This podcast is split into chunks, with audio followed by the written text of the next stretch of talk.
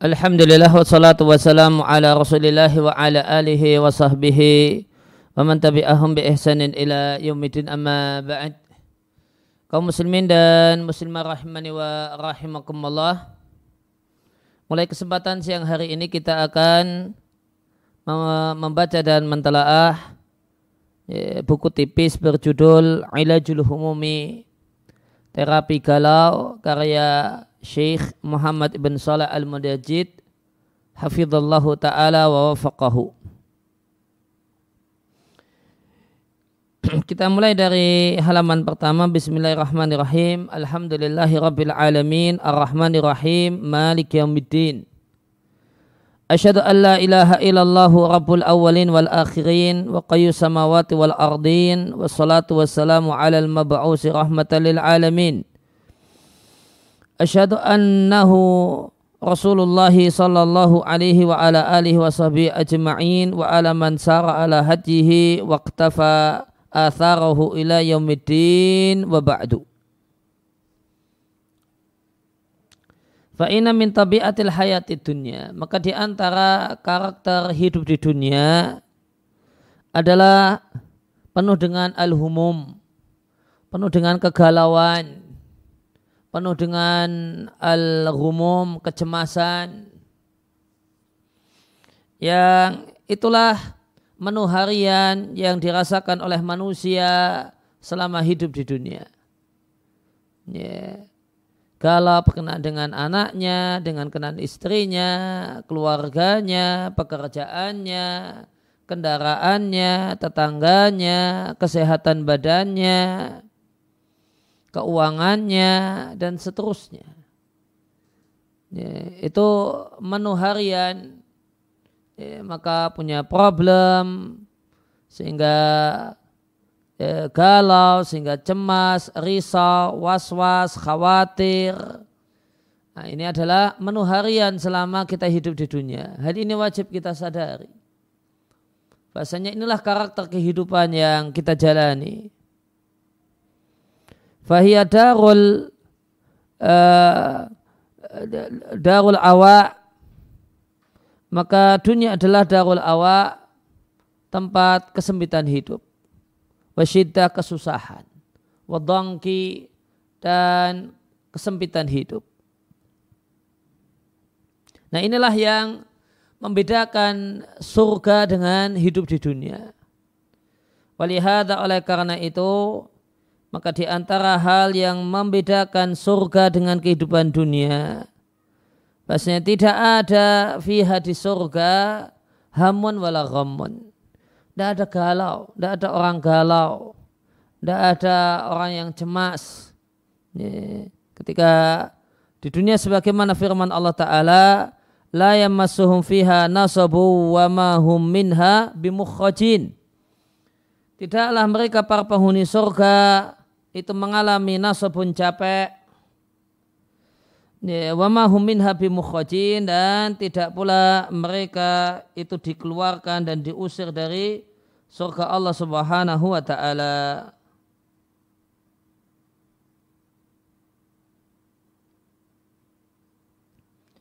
Kita lihat tafsirnya.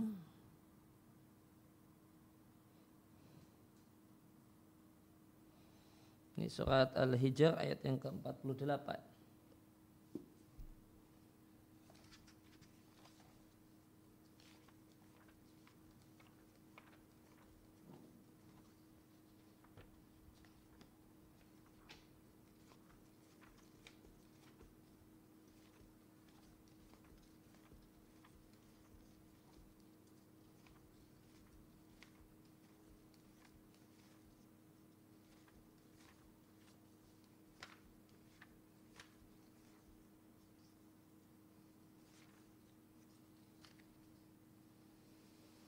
Ya, surat Al-Hijr ayat yang ke-48 di Al-Mukhtasar fi Tafsir disampaikan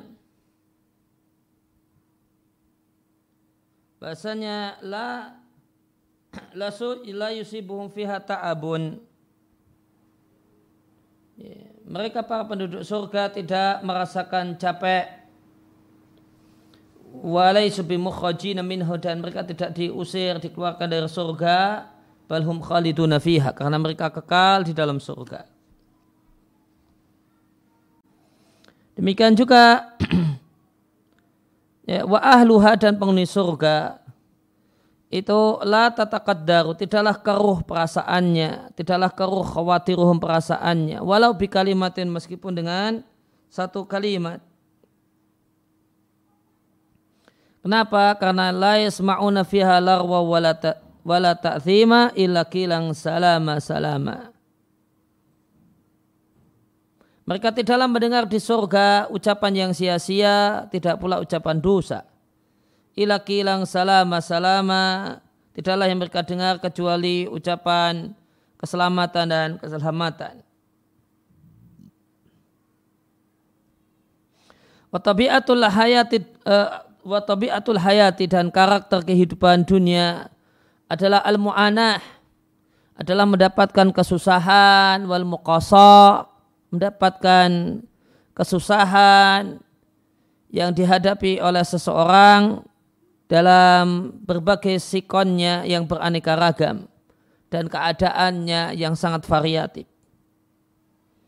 Ya, maka ketika kecil itu kesusahan berkenaan dengan kawan mainnya, ketika sudah sekolah ya ada kesusahan karena PR, karena ujian, karena tugas.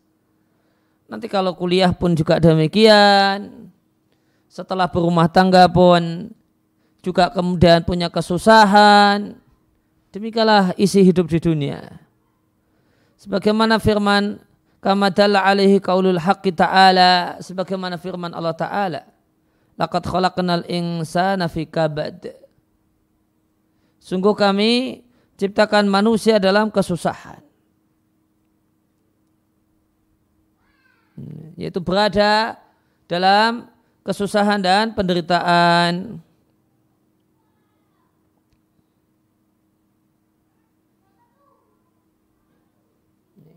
Kita lihat tafsirnya.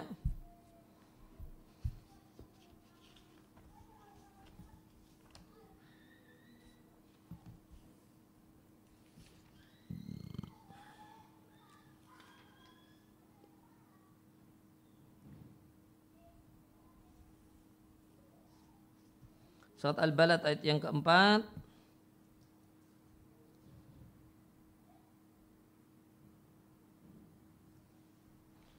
Artinya laqad khalaqnal insana fi ta'abin wa masyaqqah. Kami ciptakan manusia dalam capek dan kesusahan. Lima yu'anihi minasyada'idi fid dunya. Karena berbagai macam kesusahan yang dia rasakan selama hidup di dunia. Ya maka kehidupan manusia fawa maka manusia itu hazinun sedih ya, karena masalah yang telah berlalu. Mahmumun dan galau bima yustakbalu dengan masa depan. Marmumun dan cemas filhali dengan masalah sekarang. Ya, maka ini dua kondisi atau tiga kondisi jiwa manusia. Hazan penyakit sedih eh, ini berkenaan dengan apa yang telah terjadi ram, cemas, was-was berkenaan dengan yang sedang dihadapi kemudian ham, galau, risau, khawatir berkenaan dengan sesuatu yang akan terjadi. Maka al-makruhu al-waridu, maka hal yang tidak menyenangkan yang terjadi pada hati jika itu min amrin madin berkenaan dengan masa yang telah dengan perkara yang telah berlalu maka akan membuahkan hazan kesedihan. Wa in min mustaqbalin jika itu perkara yang terjadi di masa depan maka menimbulkan kondisi hati namanya alham dalam bahasa Arab disebut ham mungkin ya kurang lebihnya galau dan ya, cemas, khawatir, Waingkana min amrin hadirin, namun jika itu berkenaan dengan perkara yang sedang dijalani dan sedang terjadi, maka menimbulkan al-gham. Nah kemudian kondisi hati orang berkenaan dengan kesusahan-kesusahan hidup ini, dengan penyakit hati ini, penyakit psikologi ini beda-beda. Wal kulubu tatafawatu. Dan uh, dan hati manusia itu bertingkat-tingkat ya, dalam besaran galau dan ya, kecemasan yang dihadapi. Kasrotan wistimraron. Berbeda-beda, banyaknya dan terus menerusnya. Ada orang yang galaunya banyak, namun ada orang yang ya, hatinya nyantai sehingga punya masalah tapi tidak terlalu dipikir. Nah, maka nanti orang kemudian ya kalau masalah itu tentu tidak lepas dari masalah. Non apakah itu mempengaruhi hati? Nah ini orang bertingkat-tingkat. Orang berbeda-beda. Ada permasalahan hidupnya mempengaruhi hatinya dan ada yang tidak. Wastimraran, demikian juga terus menerus dan tidaknya. Ada orang yang terus menerus galau, terus menerus cemas. Ya. Jadi nggak pernah berhenti-berhenti cemasnya. Ada orang yang pandai memanage dirinya dan hatinya sehingga uh, sehingga galau, kecemasan itu tidak terus-menerus terjadi pada dirinya. Nah, apa faktor yang menyebabkan perbedaan-perbedaan ini? Bihasa bima fiha minal imani. Ini, berkenaan erat dengan iman yang ada di hati. Ini berkenaan dengan kefasikan dan kemaksiatan. Maka hati manusia itu, kata Ibnul Qayyim, di kitabnya Fawaid, ada dua macam. Ada hati yang merupakan dalam tanda kutip singgah sana Allah Ar-Rahman. Sehingga isi hati tersebut adalah cahaya. Isi hatinya adalah kehidupan. Ya, wal farah isi hatinya adalah gembira bahagia bahjah sukacita wa akhirul al khair dan simpanan kebaikan kemudian yang kedua ada hati yang dalam tanda kutip adalah singgasana setan. Sehingga isinya adalah adik, kesempitan, kegelapan, hati yang mati, kemudian penuh dengan sedih, dengan cemas, dengan dengan hal yang sekarang terjadi, walham, dan galau dengan hal-hal yang belum terjadi. Demikian juga manusia itu bertingkat-tingkat kegalauannya dengan berbeda-bedanya faktor pendorong dan kondisi mereka. Wa mayahmiluhu kullu wahidin minhum minal mas'uliyat dan tanggung jawab yang dipikul oleh masing-masing mereka. Makin banyak tanggung jawabnya, galaunya makin banyak. Problemnya makin banyak dan jika tidak bisa memanage diri dengan hati, maka galaunya makin banyak.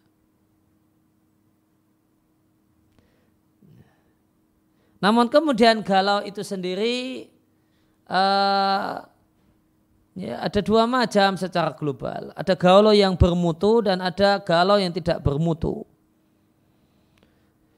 Faminal humumi humuman samiyatun. Ada galau yang galau itu galau yang luhur, galau yang bermutu. Dan kalau ini menunjukkan memberikan uh, menunjukkan makna yang baik Contoh galau yang bermutu yang pertama, galaunya orang yang berilmu, galaunya ulama dalam mengurai permasalahan yang sulit. Padahal perkara tersebut perkaranya dibutuhkan oleh kaum muslimin. Kaum muslimin perlu mendapatkan jawaban permasalahan ini. Khususnya lebih-lebih lagi jika permasalahannya adalah permasalahan yang iktasat, yang sulit, istaklakat yang terkunci. Betul-betul membingungkan Akhirnya ya, sang ulama ini galau tentang jawabannya sehingga makan tidak enak, tidur pun tidak nyenyak. Ya, orangnya pun kemudian nggak bisa diajak bercanda karena galau mikirkan hal ini. Maka ini galau yang berkualitas. Nah, orang yang galau boleh jadi keadaan lahiriahnya sama. Makan nggak enak, tidur nggak nyenyak, ya, diajak bercanda nggak bisa, orangnya serius. Ya, namun uh, kondisi ini berbeda-beda. ada yang bermutu, ada yang tidak mutu. Kemudian yang contoh yang kedua, ya, galau yang bermutu adalah galaunya seorang penguasa. Galau karena memikirkan problem rakyatnya. Dan inilah hal yang membuat cemas dua orang bernama Umar. Yaitu Umar bin Al-Khattab dan Umar ibn Abdul Aziz. Inilah kecemasan dua orang bernama Umar dan yang lainnya Fakan al awal maka Umar pertama yaitu Umar bin Abdul Aziz dia sampai menyiapkan pasukan pada saat sholat. Pada saat sholat malah mikir strategi menata pasukan. Wawa ma'adurun fidalik. Dan beliau dimaklumi dengan kasus ini. Demikian juga ya menimpa beliau terbebankan pada beliau galau gara-gara ada hewan yang terpleset di Irak. Beliau di Madinah. Beliau merasa bahasanya jika ada hewan yang terpleset gara-gara jalan yang disiapkan oleh Umar itu tidak bagus, ya, maka beliau merasa bertanggung jawab. Ya, jika demikian, ya, kuda terpleset, keledai terpleset, maka bagaimanakah jika ini, jalannya berlubang? Sehingga bukan hanya terpleset, namun ada orang yang bukan hanya terpleset, namun terbanting, bahkan kecelakaan, bahkan kematian. Kemudian sedangkan Umar yang kedua beliau mengungkapkan penderitaan yang beliau ya, alami berkenaan dengan ya, kondisi rakyatnya dengan ungkapan beliau sebagai berikut. Ini u'aliju amran la yu'ani alaihi illallahu. Sungguh aku menghadapi satu permasalahan dan tidak ada yang menolongnya kecuali Allah Subhanahu wa taala.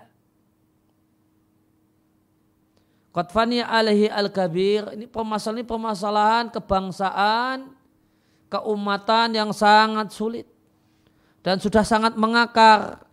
Beliau ungkapkan kalau ini permasalahan ini sudah sangat mengakar ya, dan sangat sulit bagi beliau untuk mengubahnya. Beliau tidak akan mampu mengubahnya kecuali bantuan Allah karena bantuan Allah. Fania alih kabir. Banyak orang yang sudah sepuh itu sampai meninggal dunia dalam keadaan ini. Wa kabura alaihi anak pun tumbuh besar terus sudah terbiasa dengan hal ini. Wa fasaha al al al al, al ajami orang yang non Arab pun sampai pinter ngomong fasih berbahasa Arab dalam keadaan realitanya demikian. Wahajar ali al-Arabi dan orang Arab Badui yang tinggal di tengah-tengah padang pasir pun hijrah ke kota dalam keadaan menjumpai masalah ini. Hatta hasibuhu dina. Ini permasalahannya adalah kerusakan yang mengakar di masyarakat. Ini sudah turun temurun di masyarakat. Dan mereka mengira kalau itulah agama. Dan mereka tidaklah melihat kebenaran selain hal itu.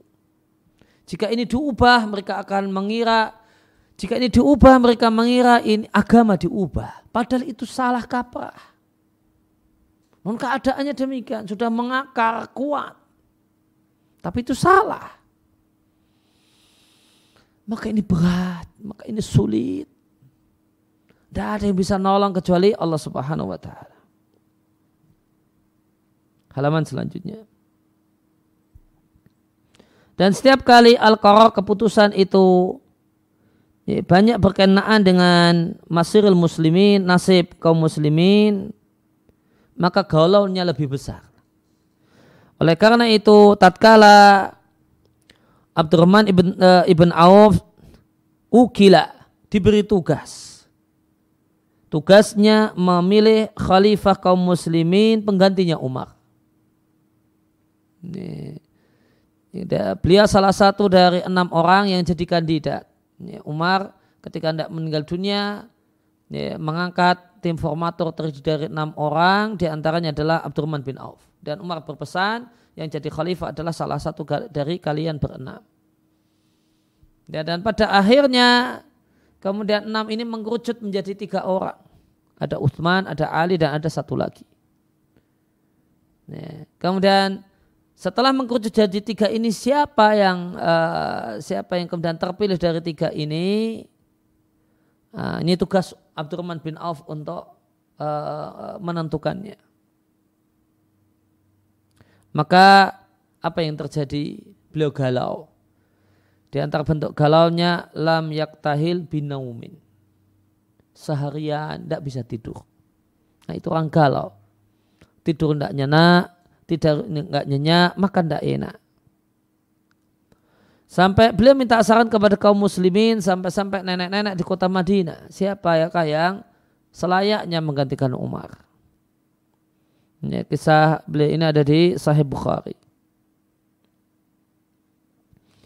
Ya, kemudian contoh galau yang bermutu yang lainnya adalah wa minal humumi syarifah. Di antara galau yang bermutu adalah galaunya seorang dai ya, dia galau mikirkan penyebaran bagaimanakah menyebarkan agama memikul tugas yang dibebankan kepada uh, uh, dan memikul misi sebagai seorang dai mengambil tangan mada'u ke jalan hidayah nah, maka gimana ini supaya uh, dakwah bisa lebih tersebar Gimana supaya orang menerima hidayah? Maka dai galau memikirkan triknya, memikirkan caranya, memikirkan strateginya. Ini galau yang bermutu. Demikian juga di antara galau yang bermutu adalah galaunya seorang yang rajin ibadah, yang galau memikirkan koreksi terhadap ibadahnya, berkenaan dengan niat dan pelaksanaan. Kemudian di antara galau yang bermutu adalah hamul muslim Galaunya seorang muslim sehingga tidak enak makan, tidak nyenyak tidur, tidak bahagia bercengkrama dengan keluarga dan kawan. Kenapa? Bima yusibu ikhwanau. Kalau memikirkan saudara-saudaranya musibah yang eh, terjadi pada saudara-saudaranya fi aqtaril ardi di berbagai macam penjuru bumi. Gimana saudaranya yang uh, ada di kamp-kamp pengungsian di korban peperangan di Suriah, bagaimanakah dengan uh, saudaranya yang kelaparan di daerah di Afrika, ikut sedih. Ya, membaca berita-berita tentang mereka kemudian sedih. Nah, ini kalau yang mulia. Namun ada galau yang tidak bermutu. Ini. Kemudian disebutkan contohnya dan di antara galau ada galau yang nasyian muncul karena maksiat. Semacam kegalauan yang menimpa seorang pendosa setelah berbuat dosa. Ada bayang-bayang dosa, dihantui perasaan bersalah. Sehingga karena hal ini makan tidak enak, tidur nyenyak, murung, sering ngalamun. Kenapa? Karena galau. Kama yahdusu fi hami man asobada man haraman. Sebagaimana kalau yang terjadi pada orang yang ya, membunuh menumpahkan darah yang haram. Maka dia dibayang-bayangi perasaan berdosa dan bersalah. Wajah orang yang dia bunuh itu ke mana-mana mengikutinya. Demikian juga galaunya perempuan yang berbuat zina karena dia hamil. Ya, karena setelah ya, senang berbuat zina setelah itu ternyata positif hamil. Maka dia galau gimana apa yang mau dilakukan dengan janin ini. Mau dibiarkan sampai besar, sampai lahir atau digugurkan. Nah, dia galau. Tidur tidak nyenyak, makan tidak enak. Nah, karena hal ini. Dan di antara al-humum, di antara kegelisahan ada yang disebabkan karena mendolimi orang lain semacam zalim kepada kerabat sendiri sebagaimana ucapan seorang penyair zulmu dawil kurba asyadu madadatan ala nafsi min waqa'il husamil muhandadi. Kezaliman terhadap kerabat itu lebih menyakitkan pada jiwa dibandingkan ya, ya, waqa'il husam husam artinya sisi tajam dari pedang al muhandadi yang terbuat dari besi. Jadi, tebasan pedang yang pedang yang tajam dan ada juga kegalauan yang terjadi karena sebab musibah dunia, semacam penyakit yang menaun dan berbahaya. Demikian juga galau karena durhakanya anak, anak yang memalukan, anak yang mengesalkan, yang bikin jengkel dan kesal. Demikian juga tasaluti zaujah, ditindas oleh istri, ya, karena istri yang cerewet, ngomel terus, bikin suaminya galau.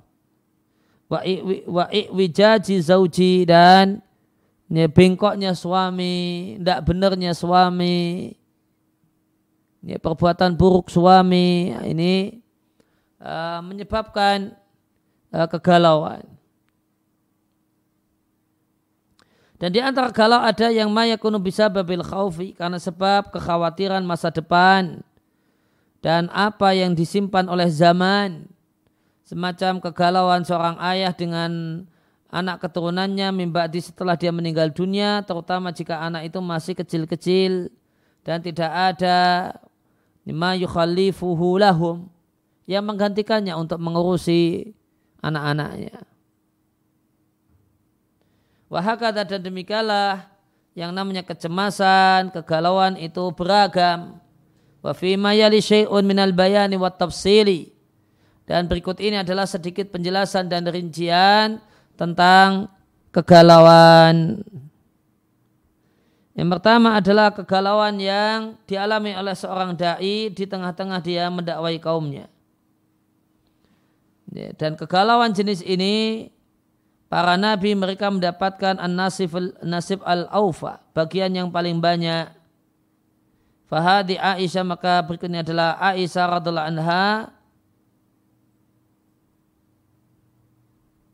Hati beliau bercerita kepada anak saudarinya Urwah ibn Zubair, ya, anaknya Asma, annaha bahasanya ibunda Aisyah pernah bertanya kepada Nabi Shallallahu Alaihi Wasallam, hal ata alaika yaumun, apakah pernah terjadi padamu satu hari yang hari tersebut lebih berat daripada derita saat perang Uhud? Maka kala Nabi mengatakan sungguh aku menjumpai dari kaummu berbagai macam penderitaan yang aku jumpai. Wa kana asyadda malaqitu minhum dan ya, derita yang paling berat yang aku jumpai dari mereka kaum penduduk Mekah adalah hari Aqobah. Aqobah itu jalan di gunung. Ketika aku tawarkan diriku kepada Ibn Abdi Ya Laila, Ibn Abdi Kulal. Namun mereka tidak merespon ajaanku merespon apa yang aku inginkan. Fantolaktu maka pergilah aku dalam keadaan galau, dalam keadaan sedih. Dan aku tidaklah sadar kecuali aku di daerah Koran as Maka aku angkat kepalaku ternyata di atas kepalaku ada mendung yang menaungiku dan aku memandang mendung tersebut ternyata di mendung tersebut ada Jibril dia berteriak kepadaku Fakal Jibril mengatakan, sungguh Allah telah mendengar ucapan kaummu kepadamu dan penolaanmu, penolaan mereka kepadamu dan Allah telah mengutus padamu malaikat penjaga gunung supaya memerintahkanmu dengan perintah apa saja yang kau inginkan tentang mereka. Maka malaikat gunung menyeruku berteriak kepadaku. Fasalama alaih yang mengucapkan salam kemudian mengatakan, Wahai Muhammad, Faqala dhalika fi masyita. Maka katakanlah tentang hal tersebut apa yang kau inginkan. Jika engkau mau akan aku himpit mereka dengan dua gunung. Dua gunung kota Mekah. Fakal. Maka Nabi SAW menyampaikan, Arju aku berharap agar Allah keluarkan dari ya, punggung-punggung mereka orang yang menyembah Allah semata dan tidak menyekutukan Allah dengan sesuatu apa pun. Dilihatkan oleh Al-Bukhari. Ya, dan saya ingin bacakan sedikit penjelasan tentang hadis ini.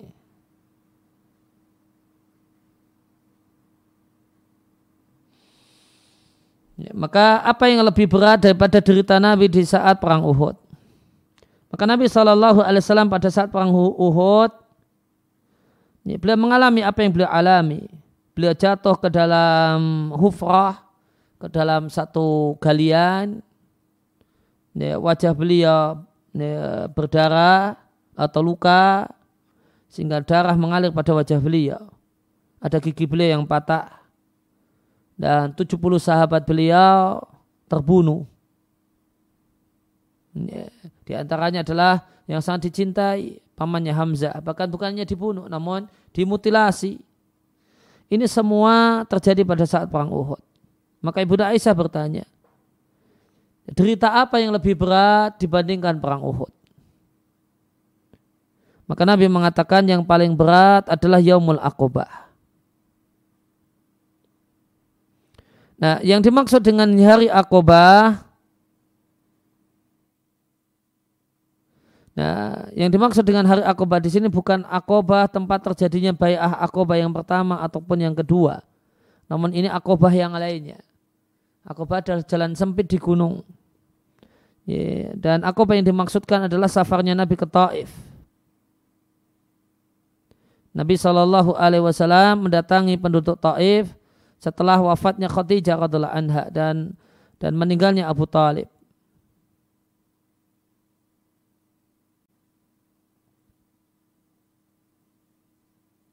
Watsamat Quraisy dan sepakalah Quraisy untuk menyakiti Rasulullah Sallallahu Alaihi Wasallam. Padahal dulu Abu Talib lah yang membela dan melindungi Nabi Sallallahu Alaihi Wasallam. Sedangkan Khadijah lah yang meringankan dan yang menghibur serta membantu. Khadijah telah meninggal dunia, Abu Talib pun telah meninggal dunia. Maka Nabi kemudian menjumpai gangguan dari kaumnya.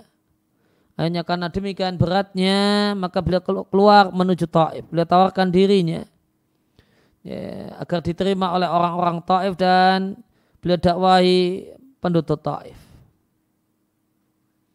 Beliau mengatakan, aku tawarkan diriku kepada ya, kepada kalau tadi Ibn Abdiya Laili.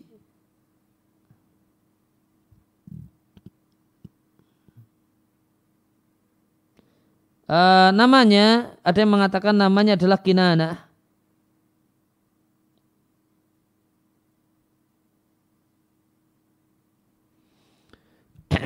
Dan ada menjelaskan bahasanya Nabi menawarkan dirinya langsung kepada uh, kepada ya Laili tersebut. Para ulama sejarah mengatakan bahasanya mereka ini tiga bersaudara. Abdul Laili, Habib dan Mas'ud. Ya intinya Nabi menawarkan dirinya kepada mereka supaya diterima, supaya mereka menerima dakwah Nabi. Maka ternyata mereka tidak meresponku. Bahkan uh, tokoh yang didatangi ini kemudian memprovokasi orang-orang jalanan untuk menyakiti Nabi, untuk mengganggu Nabi Shallallahu Alaihi Wasallam. Maka pergilah aku wa ana mahmumun ala wajahi dan aku galau, yakni artinya beliau mendapatkan kesedihan, kesusahan dan kesempitan dada disebabkan sikap mereka. Maka bumi yang lapang terasa sempit Ke mana harus kembali? Ke mana harus pergi? Pergi ke Mekah dalam keadaan mereka memusuhi Nabi dan menyakiti Nabi. Ya, mereka menindas Nabi. Kemudian mendatangi mereka, ya, mendatangi mereka uh, ini orang-orang Taif. Ternyata mereka menyakiti Nabi dengan sangat menyakiti Nabi. Semayarji minum ba'da dalik sehingga harus kembali setelah itu. Ke mana harus pergi? Maka pergilah aku dalam keadaan aku galau dan aku tidaklah sadar kecuali ketika telah berada di satu tempat namanya Qaran Ta'alib. Ya, maka demikian galaunya Nabi Shallallahu Alaihi Wasallam sampai beliau tidak sadar dan tidak mengetahui jalan yang ditempuh. Jalan ke mana ini enggak ya, enggak tahu. Sadar-sadar kata orang Jawa ngeh, uh udah sampai sini. Nah demikianlah kalau galau itu galau berat. Maka jika seorang itu demikian galaunya, demikian sedih berlebihan, maka boleh jadi dia berjalan tanpa sadar. Dan ini satu hal yang bisa disaksikan. Karena sedih, kemudian keluar rumah, jalan, tidak sadar ke mana jalan. Nah ini pernah dialami oleh Nabi Shallallahu Alaihi Wasallam. Maka aku tidaklah sadar kecuali sudah tiba di Koran Sa'alib. Koran Sa'alib itu sama dengan Koran Manazil, satu tempat mikot bagi uh, jamaah yang mau umrah atau mau haji, yaitu mikot penduduk Najd dan orang-orang yang uh, melewatinya dari arah Taif. Ya, maka kemudian di sana uh, Nabi mengangkat kepalanya, di sana ada mendung yang menaungi Nabi, dilihat ada Jibril, Jibril mengatakan Allah telah mengutus padamu malaikat gunung supaya engkau perintahkan dengan apa saja yang engkau inginkan uh, tentang mereka. Yang dimaksud dengan malaikat gunung adalah malaikat yang ditugasi ngurusi gunung. Ya, maka di antara malaikat ada yang ditugasi ngurusi gunung.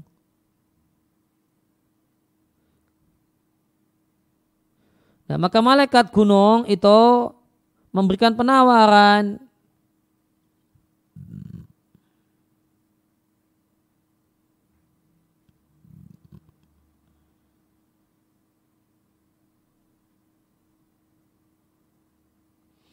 Ya, gimana kalau dihimpit saja aku himpit dengan ini penduduk Mekah itu akan aku himpit jika engkau mau dengan Aksyabain. Aksyabain adalah dua gunung yang mengelilingi Mekah.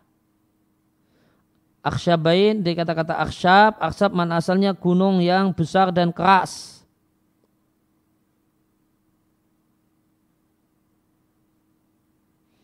Uh, dijelaskan, ada yang menjelaskan yang dimaksudkan adalah Jabal Abu Kubais yang ada di dekat sofa dan gunung yang lain yang ada di hadapannya yaitu Jabal Ahmar. Maka apa yang Nabi respon, aku berharap agar Allah keluarkan dari eh, punggung-punggung mereka orang yang menyembah Allah semata dan tidak menyekutukan Allah dengan sesuatu apa pun.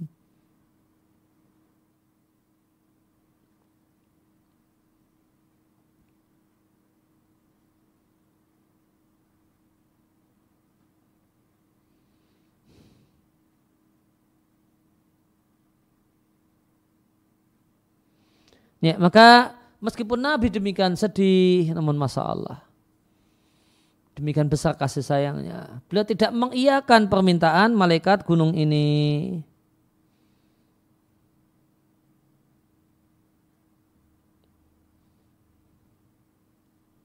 Maka demikian besar uh, beliau untuk semangat beliau untuk memaafkan orang yang menyakitinya. Karena seorang pada saat dia demikian galau, demikian sedih, boleh jadi dia akan mendoa, berdoa dengan doa yang panjang kepada orang yang menyelisihinya dan orang yang menyakitinya.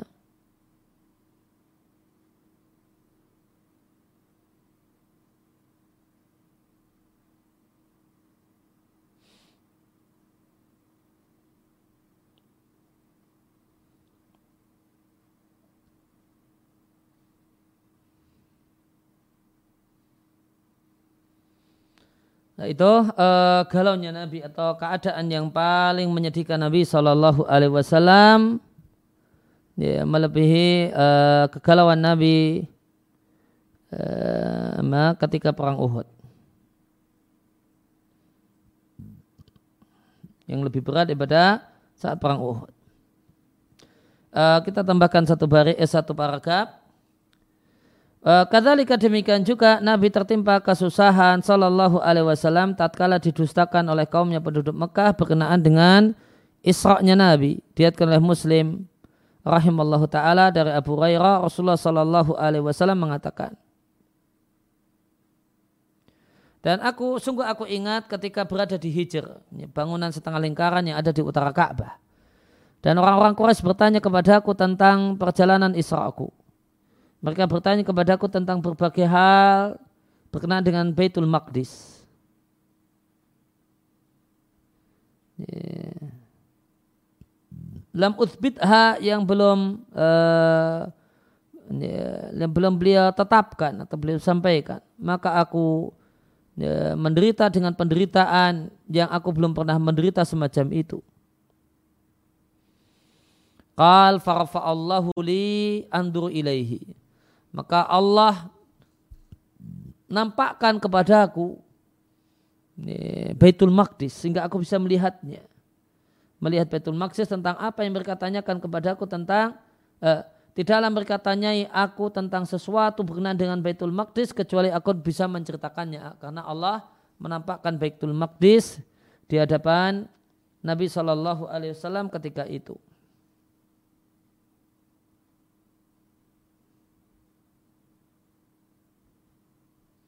Ya, demikian yang uh, kita uh, kita kaji kita baca kesempatan Eh, kali ini ala nabiyina Muhammadin wa ala alihi wa alamin. Baik Ustadz akan kami bacakan pertanyaan-pertanyaan yang telah masuk. Eh, yang pertama, Assalamualaikum warahmatullahi wabarakatuh. Waalaikumsalam warahmatullahi wabarakatuh. Ahsanallahu alaikum Ustadz. Waalaikum. Afwan Ustadz izin bertanya, bagaimana cara mengobati galau yang datang secara tiba-tiba dan membuat hati sesak serta cemas. Jazakallahu khairan. Uh, detailnya uh, obat galau secara detail nanti akan kita ya kita akan bahas satu persatu. Uh, saya harap kemudian uh, sabar. Ya, nanti mungkin di pertemuan ketiga kita sudah bisa ke, masuk pembahasan detail masalah ini. Kita akan lihat bagaimanakah Eh, kiat-kiat uh, dari Nabi untuk uh, kiat-kiat dalam agama kita untuk mengusir kegalauan. Nah. Baik Ustaz, yang berikutnya Ahsanallahu ilaikum Ustaz. Waalaikum.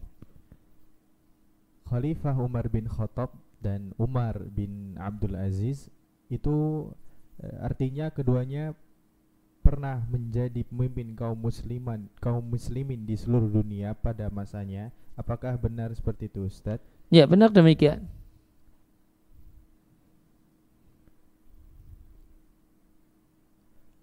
Ya. Berikutnya, Assalamualaikum warahmatullahi wabarakatuh. Waalaikumsalam warahmatullahi wabarakatuh.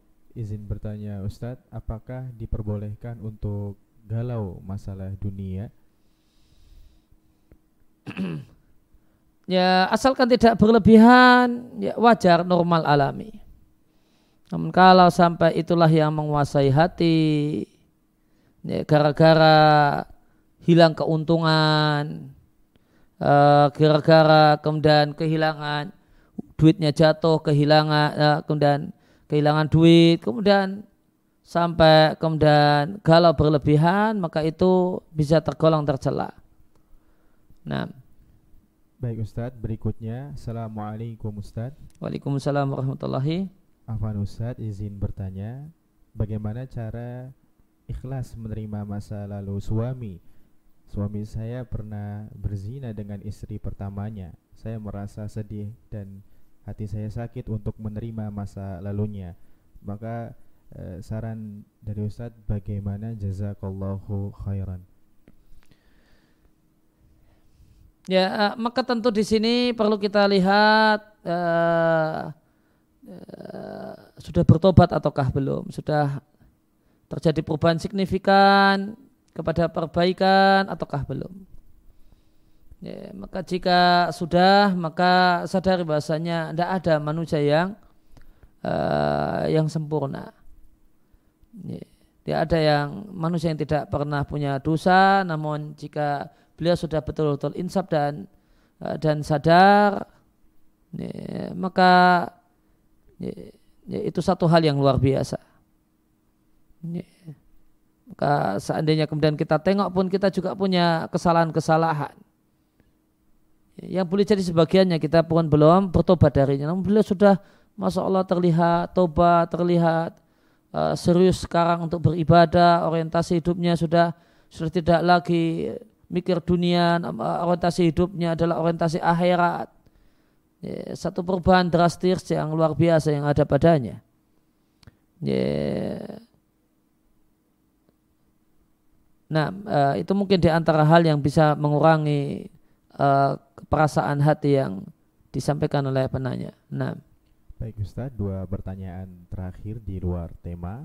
Yang pertanya yang pertama, apakah termasuk akhlak yang baik memberikan respon ucapan terima kasih setiap informasi yang masuk di grup WhatsApp? Terkadang saya merasa kasihan jika tidak direspon padahal jumlah anggota WhatsApp tersebut cukup banyak. Ya kalau ada orang yang nge-share ya maka uh, sudah kemudian umum sudah sudah sudah jamak. Bahasanya orang nge-share di uh, grup WA itu tidak mesti kemudian mendapatkan respon. Boleh jadi dan itu sudah dimaklumi. Ya, oleh karena itu maka ya, nanti kembali kepada keadaan kita jika kita nanti tersibukkan dengan terima kasih infonya, terima kasih infonya karena grupnya ada 50 grup di di HP kita kemudian kita mau respon semua tentu akan merepotkan. Dan jika ada grup-grup tertentu yang eh, dan kemudian yang memberikan respon adalah orang yang punya hak atas kita, orang yang wajib kita hormati karena atasan, karena atau karena yang lainnya, maka silakan direspon terima kasih dan atau kalimat terima kasih atas infonya. Dan itu satu sikap yang baik uh, kemudian dalam komunikasi. Jadi saya sar uh, saya sarankan uh, grup ini dipilah dan dipilih mana yang urgen dan mana di situ bersama kita dalam grup tersebut orang-orang yang layaknya kita hormati maka ketika kita berada di grup sejenis itu ya, maka di antara akhlak yang baik uh, info dari info yang di share dibagikan oleh uh, orang yang layak untuk sangat kita hormati kita respon dengan terima kasih atau kalimat yang semisal. Nah, Baik Ustaz, ter pertanyaan terakhir. Assalamualaikum warahmatullahi wabarakatuh. Ustaz. Waalaikumsalam warahmatullahi wabarakatuh. Semoga Allah merahmati Ustaz. Amin. Izin bertanya Ustadz, bagaimana hukumnya membeli makanan, misal sayur, tempe, atau ayam goreng ke orang non-muslim yang kita tidak tahu apakah peralatan masaknya bersih dari najis atau makanan yang haram. Jazakallahu khairan Ustadz. Uh, saya sarankan untuk mendukung ekonomi kaum muslimin, kemudian lebih mengutamakan kaum muslimin. Sama-sama ada jualan, sama-sama rumah makan, ya maka dahulukan milik saudara kita yang kita bisa lebih berbaik sangka kepadanya. Nah, demikian subhanakallahumma wa bihamdika asyhadu an la ilaha illa anta astaghfiruka wa atubu ilaik.